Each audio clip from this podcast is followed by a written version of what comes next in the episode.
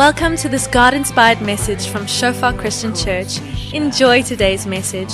May you experience the presence of our Father and may you grow deeper in your relationship with Him. Oh Jesus, your love over voordat ek te veel grappies maak, kom ons spring in vanoggend se preek en soos titel vanoggend is Jesus die goeie herder. Jesus die goeie herder. En net vir 'n oomblik voordat ons dieper ingaan deur 'n stuk teksvers lees en werk, is daar een ding wat ons moet besef. Vir ons as Christene of mense in geheel, hoe meer ons met ietsie te doen het wat vir ons baie bekend is, hoe makliker is ons nie oop om regtig te ontvang wat dit beteken nie. En wat ook al ons dink omtrent dit of verstaan omtrent dit is al wat ons inneem en dan beweeg ons maar net aan. Hoe meer bekend ons is met 'n storie, hoe meer bekend ons is met 'n sekere tema van lewe of 'n sekere ding waarna ons kyk, hoe meer geneig is ons om vinnig daaroor te beweeg. En hier sal ons self oop te maak vir 'n dieper verstaan daarvan of miskien die regte verstaan daarvan. Ons kon soveel keer na dieselfde ding gekyk het en miskien het ons 'n mispersepsie van wat dit eintlik beteken, maar omdat ons so gewoond is daaraan, beweeg ons so vinnig daaroor dat ons reflekteer nie eintlik of ons dit reg verstaan, reg begryp, reg uitleef nie. En ook soos ons deur die teksverse vandag gaan beweeg, is daar ook twee goeters wat ons van moet bewus wees. Daar's 'n verskil tussen iets erken as ja, ek glo dis waar en iets uitleef as waarheid. Partykeer dan sit ons en sê ja, okay, ek ek ek glo, ek erken, ek skud my kop. Yes, daai is waar, maar ons lewe nie asof dit waar is nie. Ons pas dit nie toe nie. En veral as ons nou kyk na Jesus as die goeie herder. Die mees bekendste vers van die Bybel is seker Johannes 3:16. So lief het God die wêreld gehad dat hy sy seun gegee het. Maar ek dink die bekendste hoofstuk van die Bybel is seker Psalm 23. Die Here is my herder.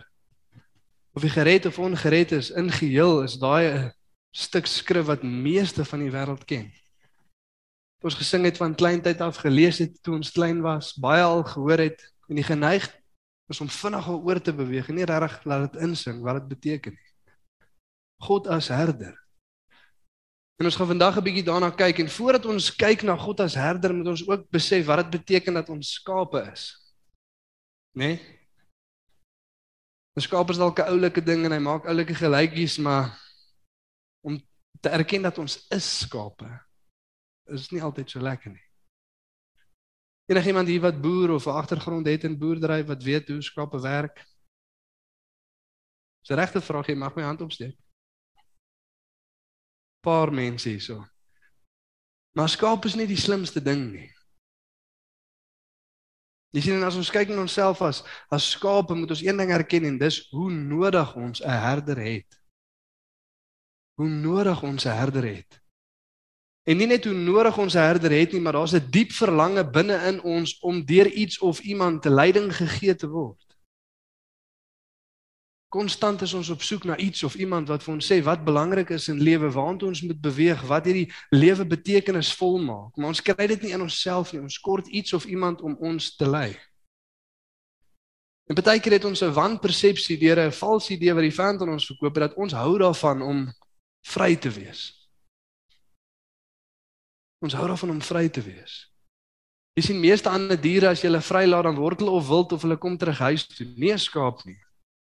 As 'n skaap opkyk en hy sien niemand nie dan dink hy in sy kop by homself, "Shucks. Waar's ek nou?" Daar's nie 'n blye emosie wat in sy hart opwek en dink vryheid. Nou kan ek maak wat ek wil nie. Skaap is regtig dom. Partykeer val hulle om en hulle kan nie self regop kom nie gaan hulle dood as iemand hulle nie kry nie want hulle het omgeval. Hulle eet die verkeerde goed. As iemand nie vir hulle sê wat die regte ding is om te eet nie. Maar dis nie 'n vryheid wat ons wil hê nie. En baie keer dink ons dit. En dis baie keer omdat ons vryheid verkeerd verstaan. Baie keer as ons dink aan die mense kapasiteit van vrye wil, ons weet ons is vry om besluite te maak, om plekke heen te gaan, om sekere dinge te doen. Maar baie keer verstaan ons daai idee van vrye wil verkeerd en ons dink vrye wil beteken dat ons in enige gegeewe oomblik vry is om enigiets te kies sonder dat enigiets ons beïnvloed. En dis nooit waar nie. Ons is altyd beïnvloed deur iets. Jy kan nou gaan kies om te gaan eet waar jy wil, maar jou vorige experience met die kos wat jy geëet het en sekere goeders wat vir jou lekker is, dit beïnvloed jou. Goed wat mense vir jou gesê het van wat lekker is of nie lekker is nie, dit beïnvloed jou. Jou besluite wat jy maak in lewe is gebeïnvloed deur iemand. So 'n ding wat ons moet erken, hoe nodig ons eerstens 'n herder het. Tweedens dat ons 'n diep verlange het na iemand of iets om ons te lei. En dan derdens dat ons is altyd deur iets gelei. Ons is nooit op onsself net besig geïsoleerd van enige ander invloed in ons lewe om self te besluit waar ons wil gaan nie. Dit werk nooit so nie. Die idees wat jy het waant jy besig is om te werk, dit was gebeïnvloed deur iets, deur iemand. Jy is besig om deur iets of iemand gelei te word. En die vraag is wie of wat? Die regte stem of die verkeerde stem? En soos dit ons almal vanoggend hierso sit in kerk, wil ons graag glo en ons wil graag erken dat Jesus of God ons herder is. Maar baie keer is dit nie die waarheid nie. En in baie gevalle is dit nie die waarheid nie. Baie areas van ons lewens en baie tye van ons lewens laat ons toe dat ander stemme ons lei. En ons luister nie na die stem van die goeie herder nie. Want ons verstaan baie keer verkeerd wat dit beteken as ons sê dat God ons herder is. En weer eens in ons tradisionele kultuur van Christendom dink ons wat dit beteken as ons sê God is ons herder is dat ons vry oral rond beweeg soos ons wil en God maak net altyd seker dat ons nie seer kry nie. Of omdat iets van buite af ons net nie aanval nie. Nê? Nee? Dis baie keer die idee wat ons het. Ons kan maak wat ons wil en ons kan gaan waar ons wil want ons is slim, ons kan goeie besluite maak. Dis wat Karl gesê het, ons ons dink baie keer ons het 'n goeie idee. Of 'n goeie plan, ons kan dit onsself doen. En God moet net seker maak dat ons nie seer kry nie. God moet net seker maak dat iets van buite af ons nie aanval nie. In die oomblik as ons seer kry of die oomblik as ons verdwaal, dan word die vinger na wie toe gewys? Waar was God? Hoe kon hy toelaat? Maar die vraag is, het jy eintlik geluister na die goeie herder? Was jy besig om te volg?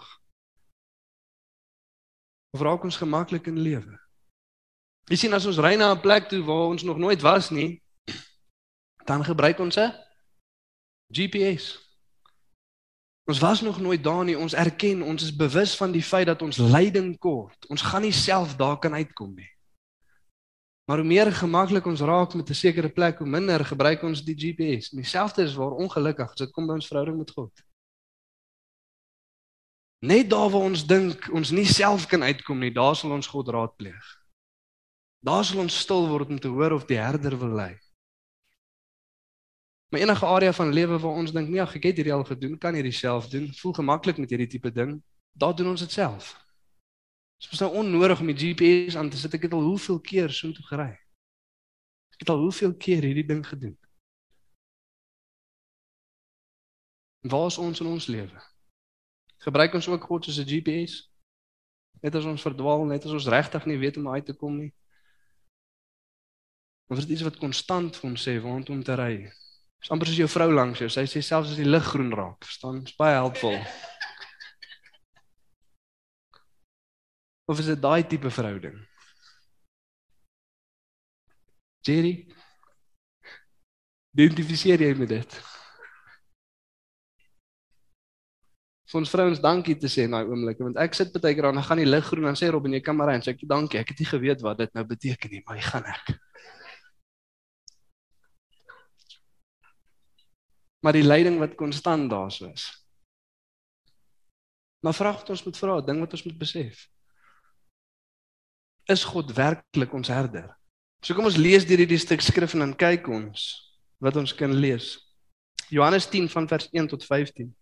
Bekende stuk skrif. En dit lees as volg: As Jesus wat besig is om te praat en hy sê: Ek verseker julle, iemand wat nie deur die hek in die skaapkraal ingaan nie, maar van die ander kant af oorklim, is 'n dief en 'n rower. Iemand wat egter deur die hek toegang verkry, is die herder van die skape. Vir hom maak die hekwagter oop en die skape luister na sy stem. Hy roep sy eie skape op hulle naam en lei hulle uit. Wanneer hy al sy skape na buite gelei het, loop hy voor hulle uit En die skape hou aan om hom te volg omdat hulle sy stem ken. 'n Vreemdeling sal hulle glad nie volg nie, maar van hom af wegvlug omdat hulle nie die vreemdeling se stem herken nie. Hierdie beeld het Jesus vir hulle vertel. Hulle kon egter nie insien wat hy vir hulle wou sê nie. Toe het Jesus weer 'n keer gesê: "Ek verseker julle, ek is die deur vir die skape. Almal wat voor my gekom het is diewe en rowers, maar die skape het nie op hulle reageer nie. Ek is die deur. As iemand deur my ingaan, sal hy beslis verlos word. Hy sal ingaan en uitgaan en groen weiding kry. Die dief kom vir niks anders nie as om te steel, dood te maak en te vernietig. Ek het gekom sodat hulle lewe kan hê, ja sodat dit oorvloedig het. Ek is die goeie herder. Die goeie herder offer sy lewe op vir die skape. 'n Kontrakwerker is hoegenaamd nie 'n herder nie.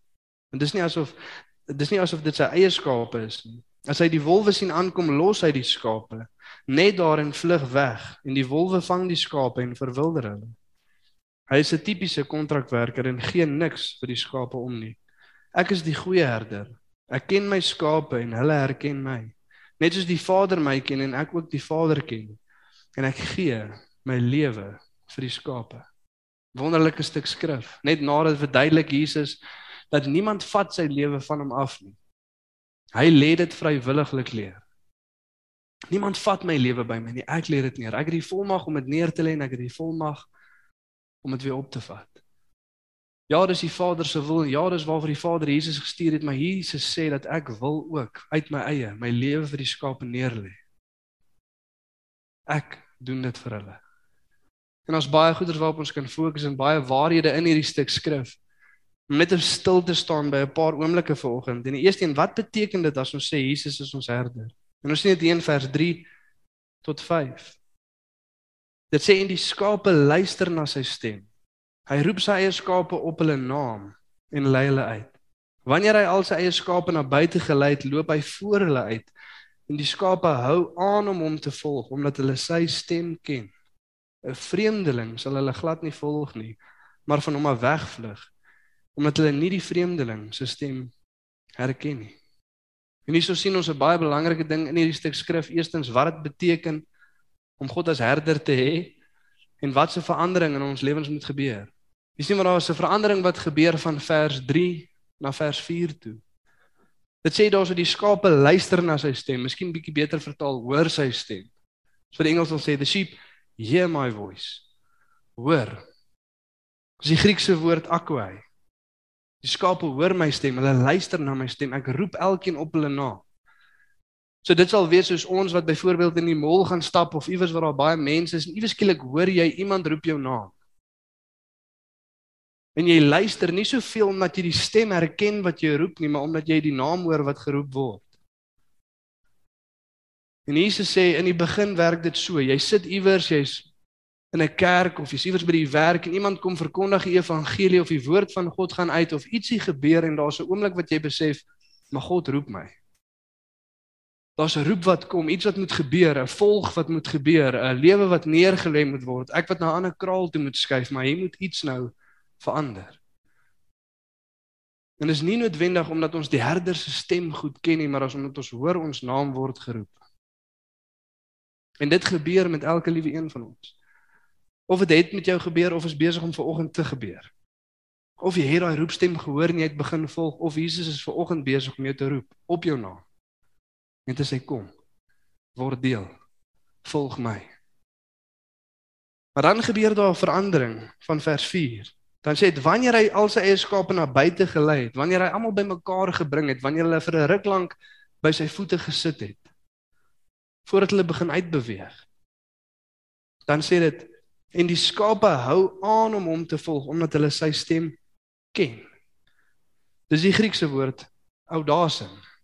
'n Verandering vind plaas. Eers hoor ons sy stem, iemand roep, ek hoor my naam. En dan kom sit ons by Jesus saam sy mense en dan wanneer die leiding kom, wanneer ons uit moet beweeg, dan volg ons want ons ken sy stem.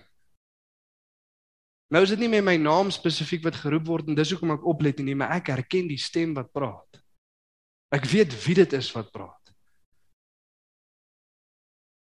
Sommige soos 'n familielid, jy weet, jy kan iewers in die mall wees of waar ook al en hoor jy in die ander rak, okay, my ma of my pa is die oorkant. Ek hoor hulle is ook hier binne. Party mense is bietjie meer beskaamd. Hulle sien mekaar voordat hulle mekaar hoor, maar my familie hoor mekaar voordat ons mekaar sien. Ons hoor mekaar aankom van ver af. Maar ek herken die stem. Dis 'n stem waarna ek gewoond is. Dis 'n stem by wie ek konstant is. Dis nie 'n vreemde stem nie. Dis 'n stem wat kom lei. En daai verandering moet in ons lewe plaasvind en dan sien ons wat dit beteken om Jesus as herder te hê en die skape hou aan om hom te volg. Hy's die een wat voorloop, hy's die een wat lei. En die skape hou aan om hom te volg. Met ander woorde, wat dit beteken om God as herder te hê, beteken dat ons is in elke area van lewe volkome gehoorsaam aan hom. sien baie keer as ons fokus as God wat ons herder is, dink ons aan dit wat God doen, maar ons dink min keer aan wat ons veronderstel is om te doen sodat hy ons herder kan wees. En ons hou van die idee dat God vir ons sorg, dat hy ons lei na groen weivelde toe, dat hy vir ons rus gee, dat hy vir ons leiding gee. Maar die ander kant is, maar is ons volkome gehoorsaam in elke deel van lewe? Laat ons toe dat God ons lei. Is hy werklik ons herder? En weer eens vanoggend soos dat ons hierso sit, is ons geneig om te sê yes. Ek is gehoorsaam aan God. Ons wil graag wees, maar partykeer is ons nie. Amen. Ons wil graag sê ek is in elke area van lewe volkome gehoorsaam aan Jesus, maar dis nie altyd die waarheid nie. Teendeel min keer so. Ek onthou so dat ons een keer by self sit en die vraag word gevra en ons vra wat is dit wat jy die meeste wil hê in hierdie lewe? Of as jy God een vraag kon vra, jy weet, wat sou jy hom vra? En die een persoon antwoord en sê, "Is dit nie dat ons God ken en hom volkome volg nie?" Sê dit dis wat dit veronderstel is om te wees. Ons weet dis wat dit moet wees, maar dit is nie wat dit altyd is nie. En net so ook by gehoorsaamheid. Ons weet ons moet gehoorsaam wees, maar ons is nie altyd nie. En byvoorbeeld om dit vanoggend vir ons duidelik te maak spesifiek van elke liewe area van lewe. Kyk, daar's sekere areas waar ons toelaat dat God kom lei en ons wil graag hier Jesus hy met sy insette kom gee en sy leiding kom gee. Maar ons ander areas wat bietjie meer toe is. Areas wat ons voel ons doen goed of ons kan dit self doen of areas waarvoor ons bietjie bang is of ons ons wonder dalk is dit regtig uitkom of as God regtig weet wat gaan gebeur. En daai areas is bietjie minder oop. Maar ook is hier logiese koneksie wat ons vanoggend moet maak dat as ons nie weet wat God oor sekere areas van lewe sê nie, kan ons hom letterlik nie gehoorsaam in dit nie. Is julle met my? As ons nooit beweeg van hoor na ken nie, dan kan ons letterlik nie gehoorsaam wees nie, want ons weet nie eers wat is dit wat God van ons verwag nie. Amen. En die vraag vanoggend is, het ons al geskuif van hoor na ken? Hoe lank is jy al besig om God te volg? Hoe lank in in jou kop dink jy jy ken God al? Want as dit jare is, dan moes daar 'n skuif gebeur het van hoor na ken. Ek weet wanneer dit God is wat met my praat. sien dit sê in vers 5, 'n vreemdeling sal hulle glad nie volg nie. Hulle sal glad nie 'n vreemdeling volg maar van hom af wegvlug omdat hulle nie die vreemdeling se stem herken nie. Hulle ken nie die vreemdeling se stem nie. Ons is so seker wat God sê, wat sy woord sê, wat hy van ons verwag van elke area van lewe. Dat as die vreemde stem kom, ons dadelik weet hierdie is nie God wat praat nie. Herken ons meer die stemme van vreemdelinge miskien? Weet ons wat die stemme van vreemdelinge is? Weet ons waar dit vandaan kom? Media. Sosiale media. Mense, geld. Luister ons baie keer vir daai stem wat praat. As die vyand deur daai kanale wil kom en vir ons sê wat gebeur. Vir ons as Afrikaners is een van die enes wat ek nou agtergekom het die laaste ruk ons dalk die minste van bewus is die stem van kultuur. Het jy geweet hoe jy groot gemaak is in die kultuur om jou is nie 100% belyn met die woord van God nie? Ons wag, ons was dalk groot gemaak as Christene, maar dit beteken nie alles was belyn met God se woord nie. Kultuur is nie die skrif nie. Tradisie is nie die skrif nie.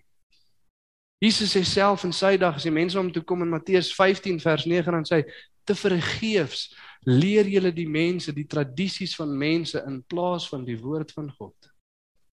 Julle is meer gefokus op die tradisies van mense as die woord van God. En ons sien dit so baie, ons wil sekere kere hê sekere goed moet op 'n manier gedoen word of dit moet op 'n sekere manier lyk net omdat dit altyd so gelyk het, net omdat ons dit altyd so gedoen het. Maar dit beteken nie noodwendig dis waar nie. Daar's 'n oulike speletjie. Ek kan nie onthou waar ek dit die eerste keer gesien het nie. Maar dan gebruik hulle oulike slagspreuke wat ons as mense sê en quotes uit Marvel movies uit. Dis nou soos Avengers en Spider-Man en sulke tipe goedjies en dan moet jy nou kan onderskei, is dit 'n Avengers quote? Kom hierdie ding uit 'n movie uit of is dit die woord van God? As jy daai game vandag gaan speel, hoe goed dink jy sal jy doen? As jy moet onderskei, wat's oulike goedjies wat mense vir ons probeer sê of ons in 'n movie gehoor het? Of wat is eintlik die woord van God? En ons sien dit so baie. Doen wat jou gelukkig maak.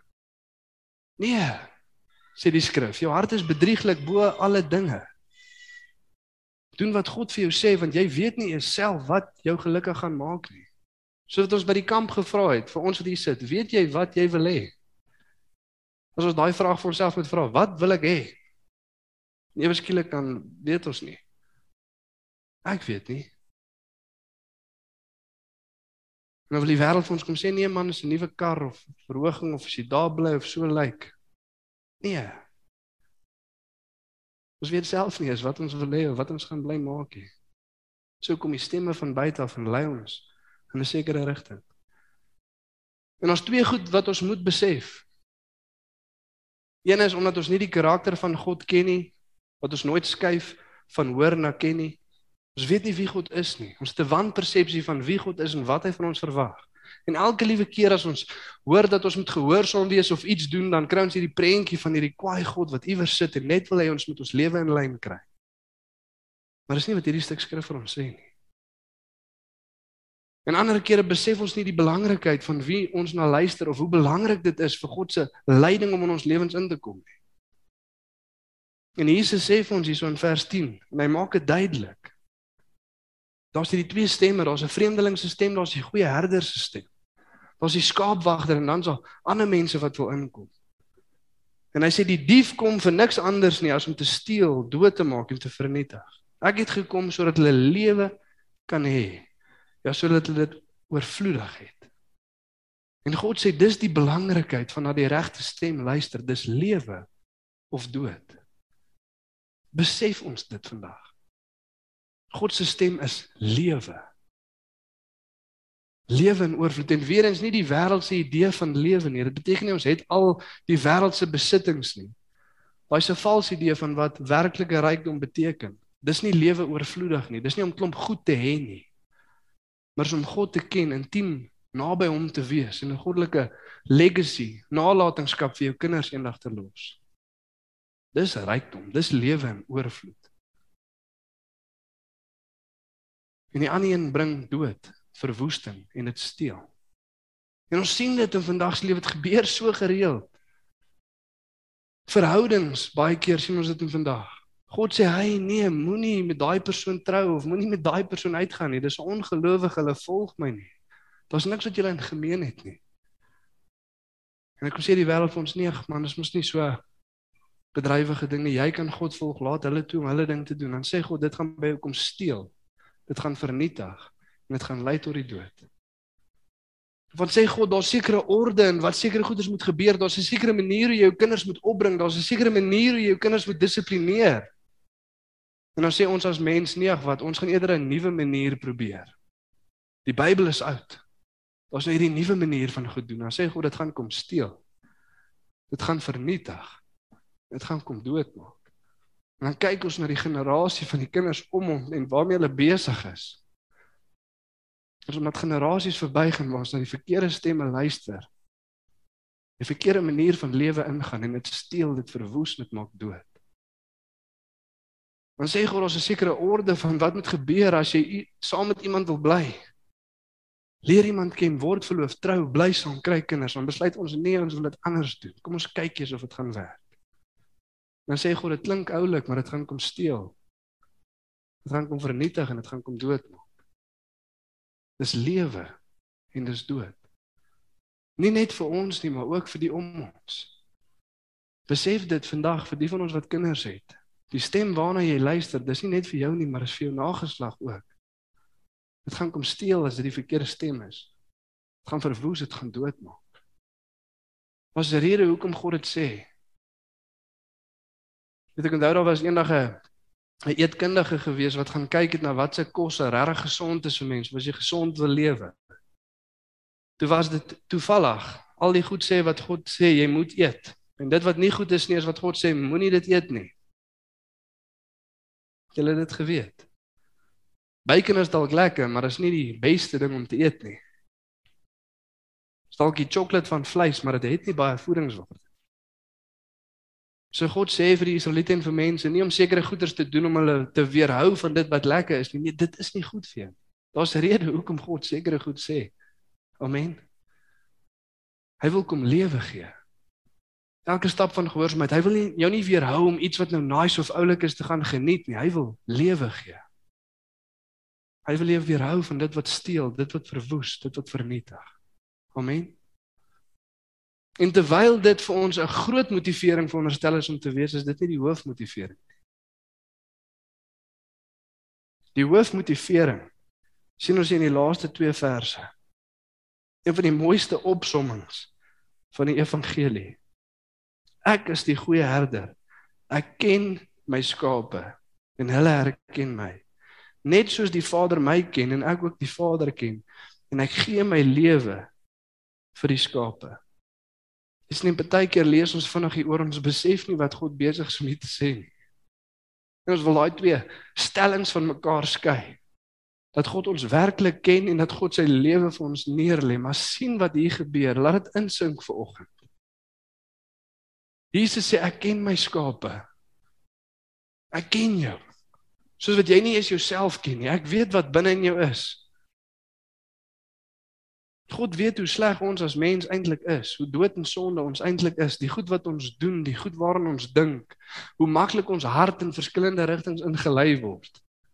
Daai areas van jou lewe waar jy so skaam voel, wat vir jou so sleg is, Jesus weet daarvan. Hy ken dit. Dit wat jy nog gaan doen, dit weet hy. En wat is die uiteinde van die saak? Van 'n God wat ons ken, wat weet hoe maklik ons hom nie gehoorsaam nie, wat weet hoe maklik ons na ander goed verlang. Wat weet alles wat ons gedoen het, wat is die uiteinde? Jesus sê ek lê my lewe vir hulle neer. Ek ken hulle. Ek weet wat in hulle is. Ek weet hulle wil nie altyd volg nie. Ek weet hulle het my nie so lief so wat hulle veronderstel is om my te hê nie. Maar ek kies nog steeds om my lewe neer te lê. sien daai woord vir in die Grieks. Ek en ek gee my lewe vir die skape. Daai woordjie beteken in plek van, in plaas van. Ek gee my lewe in plaas van in hulle plek. Hulle verdien om te sterf, maar ek sterf in hulle plek. God wat jou ken. Wat weet wat binne in jou aangaan. Wat weet hoeveel keer jy nog gaan verdwaal. So wat Denise so mooi gesê het. Ons wat soveel keer verdwaal en wegdwaal van God of en dan gaan haal hy ons. Hoekom? Dis deel van die werk van die goeie herder. Hy weet dit. Hy weet hy gaan jou keer op keer moet gaan haal en terugdra. Jy gaan nie jouself kan terugloop nie. Maar in lig van dit sê ek lê my lewe vir hulle neer. Al gaan hulle my verraai, al gaan hulle nie gehoorsaam wees nie, al gaan hulle konstant wegdwaal, lê ek my lewe vir hulle neer. Dis die motivering. Daai herder wil ek ken. Sy stem wil ek volg. Amen. Hoe kan dit enigiets anders in ons veroorsaak? Hoe kan ons na dit kyk en besluit ag Jesus het in 'n geval vir ons gesterf, kom ons maak maar wat ons wil. Besef ons volgens wat dit beteken. Dat Jesus is ons goeie herder. En ek sluit vir ons af met vers 3 en vers 9. En baie van ons moet dit hoor vanoggend. Vir hom maak die hekwagter oop en die skape luister na sy stem. Hy roep sy eie skape op hulle name en lei hulle uit. Party van ons sit ver oggend hier en ons dink nee, God sal ons nie vergewe nie. Hy sal ons nie lei nie. Hy het ons nie so lief nie. Hy weet nie wat ek als gedoen het of nog gaan doen nie. Jy mag jouself dalk verbaas. Kyk, as oomblikke in my lewe waar ek sekere goeders doen, dan dink ek, "O, oh, ek het nie geweet ek kan dit doen nie." Partykeer wonder ek, "Is ek ewen gered?" Waar kom dit nou vandaan? Maar vir God gaan jy nie verbaas nie. Hy het geweet dis daar binne. En hy het geweet dit gaan uitkom en hy het nog steeds sy lewe vir jou neergelê. En elkeen van ons wat ver oggend hier so sit met hoor, God roep jou op jou naam. Hier is nie Johannes 3:16 wat sê God het die wêreld so lief gehad nie. Hy roep jou op jou naam. Hy wil hê jy moet weet jy's deel van die wêreld vir wie hy sy seun gegee het. Hy roep jou op jou naam. En hy sê vanoggend vir jou, hy weet wat in jou hart aangaan. Hy weet wat in jou lewe aangaan. Dit verbaas hom nie, dit verras hom nie. En dit sê nie hy het sy lewe vir ons neergelê en toe vind hy uit wie ons is nie. Nee, hy sê hy ken jou en dan lê hy sy lewe vir jou neer. Hou op na die verkeerde stem luister. Hou op voorgee kom rus in God. Hy weet wie jy is. Dan sê dit in vers 9: Ek is die deur. As iemand deur my ingaan, sal hy beslis verlos word. Nie miskien nie, nie kom deur en probeer 'n goeie skaap wees of kom probeer jy 'n paar goeie goed doen nie. Nee, jy sal beslis verlos word. Hou op hard probeer om God tevrede te stel. Volg hom net omdat jy weet wat hy klaar vir jou gedoen het. En hy sal ingaan en uitgaan en groen weiding kry. Kom rus in hom. Amen. Kom ons staan volgende nou. Bid ons saam.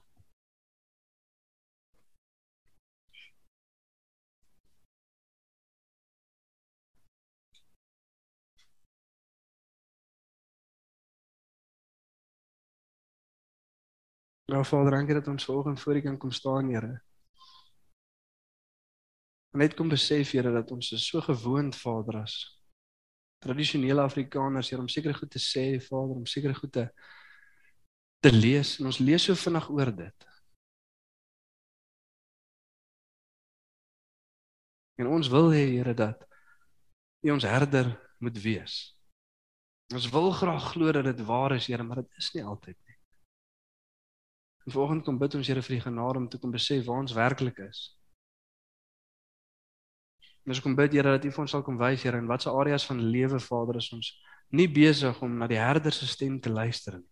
Ons nie besig is om te volg in gehoorsaamheid nie. Van watter areas Here ons dalk glad nie eens weet Here wat U sê nie, wat U van ons verwag nie. Want daar was nog nooit 'n soek in hy stem nie. En ons verstaan Here dis lewe of dood. Op baie keer lewe ons nie asof dit lewe en dood is nie geen intentionaliteit, geen soek na hy stem nie, Here. En ons kom bely as 'n kerk vanoggend van dit. Jammer Here dat ons passief ronddwaal en elke keer as ons seer kry, wil ons die vinger na U toe wys en sê, "Maar hoekom het U nie gekyk nie? Hoe kon U toelaat?" Nee nee, Here, U is die goeie herder. U lê U lewe neer vir U skape. U is nie die huurling wat wegvlug nie, Here. Maar ons is U mense. Ek kom bid volgende Here vir elke hart wat skaam kry, Here. Elke hart Here wat amper nie kan opkyk na U toe, Here, wat nie eens kan begin bid nie want ons sien wat in ons lewens aangaan, ons sien die vrae wat ons vra. En mag ons vanoggend hoor, Here, U roep ons op ons naam. En sê vir jou het ek my lewe neergelê. Volg my. Ek vir jou lewe gee en 'n oorvloedige een. En dit beteken nie als wat jy dink jy nodig het nie, maar dit beteken als wat God weet ons nodig het. En volgens kom onderwerp ons onsself in U, Here. Here, waar jy staan volgens wat ook al God vir jou besig is om te sê. Of dit ons is wat moet terugkeer of dit ons is wat moet skree, Here, help ek's verlore. Ek weet nie waar ek is nie. Miskien as 'n skaap is die eerste keer besig om op te kyk en jy het geen idee waar jy is of waarmee jy besig is. Geen idee wat jy wil hê in lewe nie leeg, uitgeput, moeg. Here waar jy is, roep uit na die goeie herder. Jy sal beslis verlos word. Wat ook al God vanoggend op jou hart druk, kom ons bid. Waar jy is, laat jou lippe beweeg, maar kom ons staan nie net hier vanoggend nie. God is besig om te lei, God is besig om te praat, God is besig om te werk. Dat ons vanoggend niks ervaar of voel nie of ons weet nie of God met ons praat of ons lei nie. Dis nie omdat God stil is nie. Dis of omdat ons nie wil hoor nie. Of ons nie intentioneel soek om te hoor nie. Hier is ons Here. Kom praat en kom lei.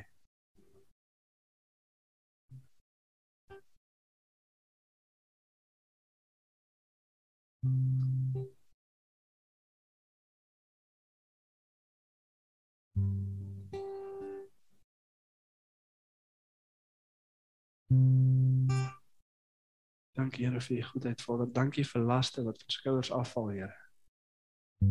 Dankie vir vryheid Vader. Ek voel of baie mense vir die eerste keer net kan asemhaal. Ek hoef nie harde te probeer nie, hy weet. Ek hoef nie daai area weg te steek nie, hy weet.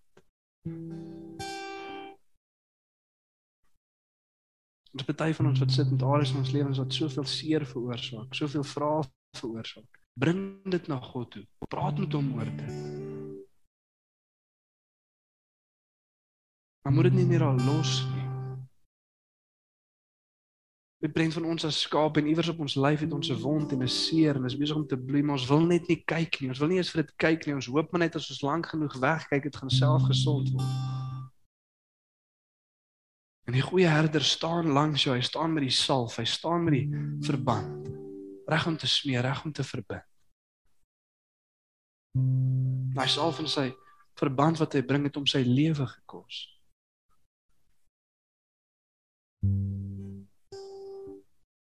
Jesus staan self daar sy rug oopgekloof soos wat die wolwe aanval en hy ons besig om te beskerm met liefde in sy oë. Hy sê volg my. Vertrou my. Bring dit na my. toe. Dankie vir u goedheid vanoggend, Here. Dankie vir genesing in harte. Dankie vir vrymoedigheid, Vader, my wonde na u toe te bring om op te weg te kyk, Here, maar na dit te kyk en toe te laat stil te sit, Here, dat U kom salf smeer en te kom verbind. Dankie vir U goedheid, Here, ons gee oor aan U in Jesus naam. Amen.